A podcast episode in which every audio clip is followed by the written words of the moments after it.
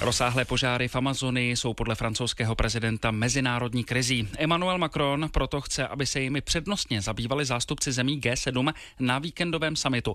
Macron to napsal na svůj Twitter. Kritizoval ho za to brazilský prezident. Jair Bolsonaro považuje Macronův tweet za snahu vyvolat senzaci a získat politické body. Brazilský prezident dále napsal, že diskutovat o problémech Amazonie na samitu, kterého se Brazílie neúčastní, je ukázka kolonialistického myšlení, které se podle něj do 21. století nehodí. Macron nabízí Amazonii pomoc bohatých zemí. Pomáhá ale někdo někomu jen tak, aniž by za to něco chtěl. Proč je Amazonie tak zajímá? O co tam tak dlouho usilují? Quem vai decidir como usar recursos para o Brasil é o povo brasileiro e o governo brasileiro. De qualquer forma, a ajuda é sempre bem-vinda.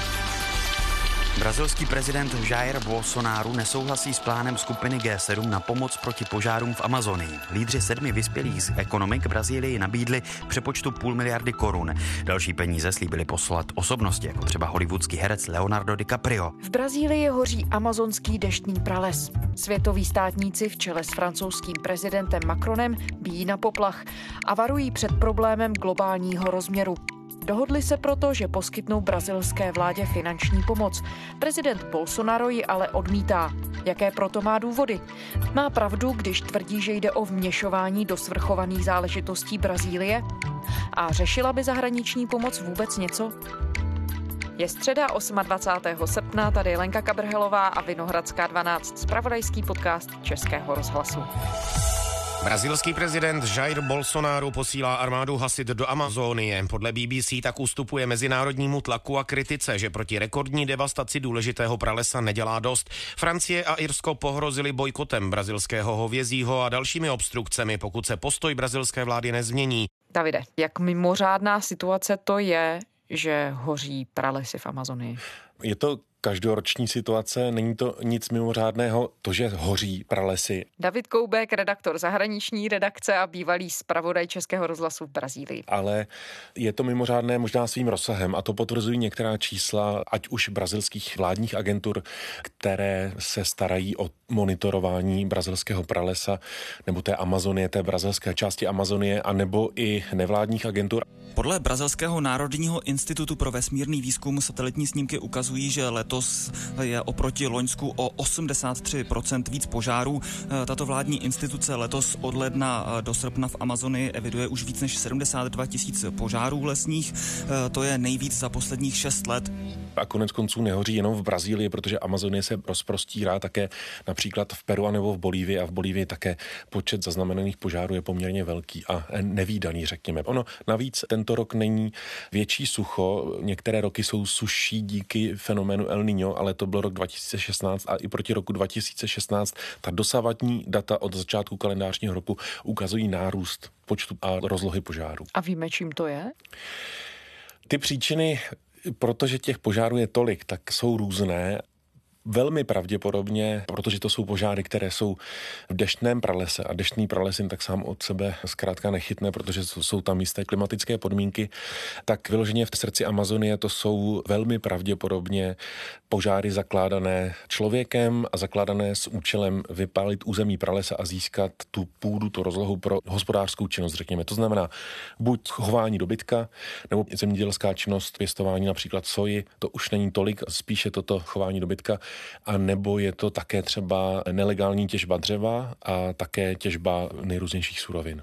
Než se podíváme dovnitř, do toho pralesa, na který teď nahlížíme ještě zvenčí, pojďme přiblížit, jak velký problém ten hořící prales je. Tak když se podíváme třeba na ty satelitní snímky, na nich je opravdu i vidět ten dým, který nad Amazoní, a to je obrovské, obrovské území, který nad ní stoupá a dá se říct, že tyhle ty obrázky, které lidé nejsou zvyklí normálně výdávat v médiích, tak jsou skutečně až možná katastrofické, ale je pravda, že někteří odborníci mluví o tom, že tento rok je to skutečně něco nevýdaného, například Thomas Lovejoy, což je známý biolog, environmentalista a odborník na biodiverzitu, přezdívá se mu také někdy kmotr biodiverzity, tak řekl, že se Amazonie může přiblížit k jistému bodu zvratu, to znamená do bodu, kdy už nebude bude moci vlastními silami, to znamená přírodními silami, obnovovat ty biotopy, tu svou přirozenou strukturu.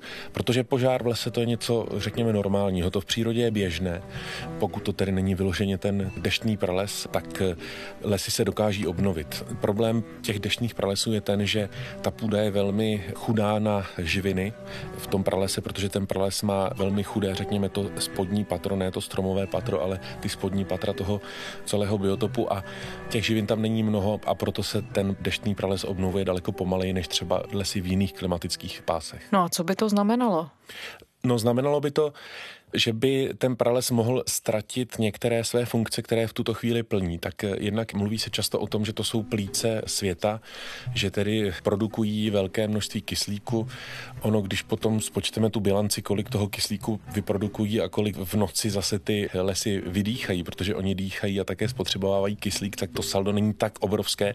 Ale na druhou stranu to velké bohatství toho pralesa je v tom, že on je obrovským akumulátorem nebo tím, který ukládá uhlík. To znamená, on vychytává oxid uhličitý z atmosféry a, ukládá ho do té biomasy, kterou tvoří. A v tom je právě spousta toho uhlíku skrytého a to je také ten problém těch současných požárů, protože ty emitují obrovské množství. Zase ten koloběh obracejí a ten uhlík, který je uložený v té biomase, tak uvolňují do ovzduší v podobě oxidu uhličitého. No a další funkcí toho pralesa je taky klimatická funkce, to znamená tvorba dešťů, tvorba podnebí, tvorba vody ve vzduchu, která je důležitá pro zbylé oblasti nejenom Jižní Ameriky, ale v Jižní Americe je to velmi citlivé téma, protože i Brazílie už zažila období velkých such. Byla to velmi nepříjemná období, kdy třeba v São Paulo došla voda, protože v těch přehraních nádržích, které slouží jako zásobárny pitné vody pro ty obrovské aglomerace, například São Paulo má 20 milionů obyvatel, tak zkrátka bylo tak málo vody, že už docházela a v některých částech toho města byla například voda na příděl. Jeden den tekla, druhý den netekla. Davide, když jsi mluvil o tom, že Deštný prales sám od sebe nehoří a velmi pravděpodobně to je lidská činnost nebo prostě člověk, který ten oheň založil. Tak kdo jsou ti lidé, kteří zakládají požáry, proč se to vůbec děje?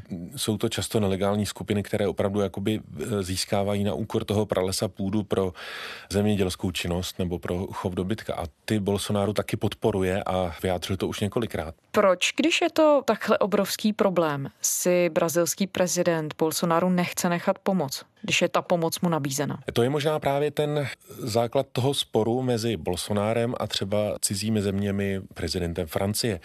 Bolsonaro tvrdí, že Amazonie je, nebo Amazonie, brazilská část Amazonie je územím svrchovaného státu a že svrchovaný stát si na tom území může dělat, co chce. Ao diálogo. Vždy jsme otevřeni dialogu, který se zakládá na respektu. Lesní požáry jsou na celém světě a nelze proto zavádět mezinárodní sankce para possíveis sanções internacionais. A v tom asi těžko co namítnout proti tomu, protože to tvrdili i předchozí vlády, které byly životnímu prostředí nakloněny úplně jinak než Bolsonaro. Ale to ještě nevylučuje možnost nechat že si, pomoct. nechat pomoci. Může si chtít nechat pomoci a ta pomoc už funguje například ve fondu, takzvaný Amazon fond, to je fond, který zastřešuje brazilská BNDS, což je Národní banka pro rozvoj. Brazílie je tak velká, že má vlastní rozvojovou banku. Ale do toho fondu už přispívají země. Třeba Norsko je největším přispěvatelem do tohoto fondu. Německo. Právě tyto dvě země v důsledku té retoriky Jaira Bolsonara a toho, co se děje v Brazílii a toho, že oni tvrdí, že vláda nezasahuje dostatečně proti těm zakládáním požárů, eh, tak stáhli své financování z tohoto fondu. A ten fond financuje management státních lesů a rezervací. Pak je to také kontrola či monitoring a inspekce těch oblastí, což je důležitá věc, protože Amazonie, jak už jsem říkal, je obrovská a ta inspekce není vůbec jednoduchá. Tam se opravdu může dít spousta ilegální činnosti, aniž by na to kdokoliv dlouhou dobu přišel. Je to udržitelný management lesa. Jsou to nejrůznější věci a neřekl bych, že tou prioritou může být hašení těch požárů, protože zase se musíme podívat na mapu a vezměte si k tomu pravítko a přepočtěte si měřítko, jak je to velké, jak to jsou velké vzdálenosti. Tu Amazonii přeletnete běžným letadlem za několik hodin a jak chceme hasit takovéto požáry, které jsou daleko od moře, které jsou daleko od využitelných zdrojů vody. Tam nejsou tak velké vodní plochy, aby bylo jednoduché do těch vzdálených oblastí, které hoří, doletět letadlem a něco hasit na tož, aby tam mohly být běžné hasičské brigády, které něco zmůžou. Ty opravdu jsou jenom v těch místech, která jsou dostupná skrz tu stávající infrastrukturu a to je zlomek. No a když tedy teď francouzský prezident Macron nabízí pomoc, tak je ta pomoc tak zásadně odlišná od té, o které si už už mluvil, která funguje? Ta pomoc je spíše symbolická a je vyjádřena nějakým číslem. Samozřejmě každá pomoc se musí nějak specifikovat a já si myslím, to je spíš takové gesto, protože ta pomoc opravdu byla velká, byla systematická, byla dlouhodobá a bylo to opravdu i podporování organizací, které nezávisle na těch vládních organizacích monitorují, co se v Amazonii děje, protože těch systémů, jak zjistit úbytek deštného pralesa, jeho nějakou degradaci, tak těch způsobů je mnoho. Samozřejmě vytvoření nějakého fondu, to, že se o tom bude mluvit a tak dále, to je vždycky dobré. Peníze na potřebuje určitě každý, nejenom Brazílii, která není chudou zemí, která je bohatou zemí, která by na to mohla mít peníze, kdyby je na to chtěla věnovat. Prezident Bolsonaro také obvinil ty země, které nabízely pomoc na G7 z novodobého imperialismu. Je to dominantní hledisko, jak se na takové věci brazilská politika dívá. Tak je zajímavé, že o imperialismu nebo kolonialismu mluví třeba i levicový venezuelský prezident Maduro zase ve vztahu ke Spojeným státům. Tengamos conciencia del mundo que estamos viviendo. ¿Y quién desestabilizó este mundo de esa manera? El imperialismo norteamericano. ¿Quién más? Jair Bolsonaro je pravicový prezident, také mluví o imperialismu, je tam vidět ten nacionalistický prvek, ale tomu se nemůžeme divit. Brazílie je skutečně suverénní země a když se podíváme na to, kolik má lesů Francie, 29% území Francie je zalesněno, 59% Brazílie je zalesněno. Francie odlesnila své území na úkor ekonomického rozvoje.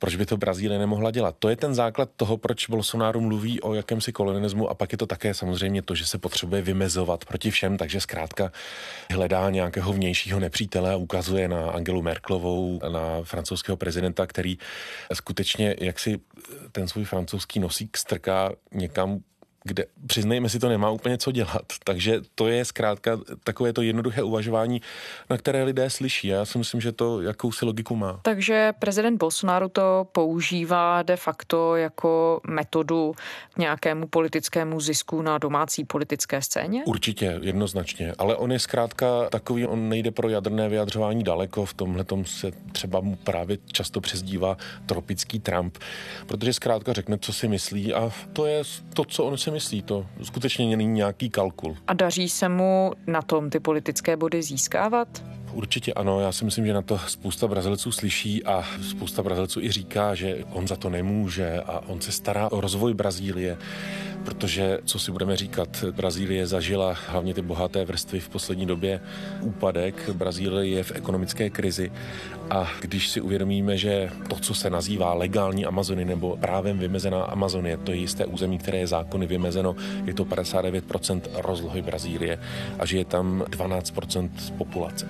Takže ten zbytek populace má zkrátka pocit, že ekonomický rozvoj, proč by se nemohl dít na území Amazonie, proč by nemohla Brazílie těžit z velkého území, na kterém je málo lidí a proč by to nemohlo být přínosem i pro ostatní. Takže já si myslím, že jsou to takové vlny a v tuhle tu chvíli velká část obyvatel podporuje tuhle tu retoriku a tuhle tu logiku, že zkrátka tohle je naše právo vydělávat peníze tam, kde chceme, na území, které je naše, takže já si myslím, že na to slyší. Na druhou stranu i v Brazílii jsou kritikové, kteří prezidenta viní z toho, že jednak vyměnil ekonomický zisk za nějakou udržitelnost a navíc také, že se nehledí na to, v jakých podmínkách tedy žijí lidé, kteří Amazony obývají. Jak velké to je téma v Brazílii nebo Mají kritikové pravdu v tomhle ohledu? To se těžko říká, jak velké to je téma, protože to je na jednu stranu téma hlasité, které se třeba objevuje v brazilských médiích, ale hlavně v zahraničních médiích, protože neziskové organizace, které hájí jednak životní prostředí, jednak tu přírodu a jednak také původní obyvatelstvo, tak jsou samozřejmě, jsou tam i zahraniční odborníci a tak dále, takže jsou daleko více slyšet v zahraničních médiích. Viděno tedy odsud z České republiky, z Evropy. Když jste v Brazílii, tak myslím si, že většina lidí to nepovažuje za nějaké důležité téma. Ale je pravda, že odborníci mají v Brazílii velké slovo a odborníci měli vždycky velké slovo ve vládních organizacích, které se starají o jednak ochranu životního prostředí, což je například takzvaná IBAMA, Brazilský institut pro životní prostředí a obnovitelné zdroje. A pak je to třeba FUNAI, což sice se jmenuje nadace, ale je to brazilská státní instituce nebo veřejnoprávní instituce, protože je založena zákonem a není součástí přímo exekutivy, ale je to brazilská instituce, která hájí práva původních obyvatel, tedy indiánů. Tyto dvě linie jdou jaksi ruku v ruce, protože hlavně za vlády levicového prezidenta Luli, který nastoupil k vládě v roce 2003, se práva indiánů společně s jakousi levicovou rétorikou, ochranou práv žen, ochranou práv slabších, tak samozřejmě ochranou také menšin, a indiáni jsou v Brazílii malinkatá menšina, opravdu zlomeček, tak se na toto téma dával důraz, tyto instituce posílily a třeba právě Funajt měla za úkol vymezovat a nalézat budoucí rezervace indiánské, které jsou většinou v Amazonii a ve kterých je ten režim úplně jiný. To znamená, není možná tam nějaká zemědělská činnost, aniž by to dovolili původní obyvatelé, kteří tu oblast vymezenou právě tou státní institucí, odborníky, antropologi a tak dále, kteří ji obývají. To byla taky jedna z oblastí, na které Bolsonaro po svém nástupu k moci zaútočil a chtěl oslabit funkci této organizace. Stejně tak jako organizaci IBAMA, to znamená Brazilský institut životního prostředí, který se stará nejenom o životní prostředí v národních parcích, ale také na soukromých pozemcích a jakým si způsobem reguluje a také vymáhá environmentální legislativu. A ukázalo se, že v letošním roce IBAMA rozdala o třetinu méně pokut za různé prohřešky, to znamená i za ilegální odlesňování, kácení a vypalování pralesa, než dříve.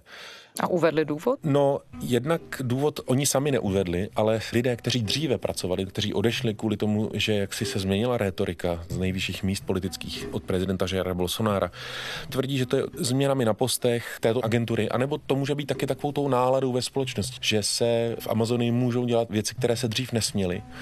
A ti, kteří tam chtějí se obohatit, páchají daleko více věcí, než by si dříve dovolili, protože se prostě nebojí, že je ta vláda potrestá. Navíc prezident Jair Bolsonaro vydal dekret, kterým zřídil orgán, který přeskoumává a ruší ty pokuty vydané tímhletím institutem.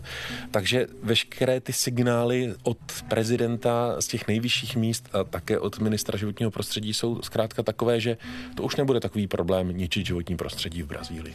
A je to proto, že prezident neochvějně věří v zajištění ekonomického růstu jakýmikoliv prostředky, nebo to má jiné důvody? Já si myslím, že trošku možná v tom můžeme vidět jistou inspiraci tím režimem vojenské diktatury v Brazílii v 70. letech. Jair Bolsonaro je bývalý důstojník vojenský a netají se, řekněme, možná i obdivem nebo sympatiemi právě vůči vojenským vládcům Brazílie, hlavně v 70. letech.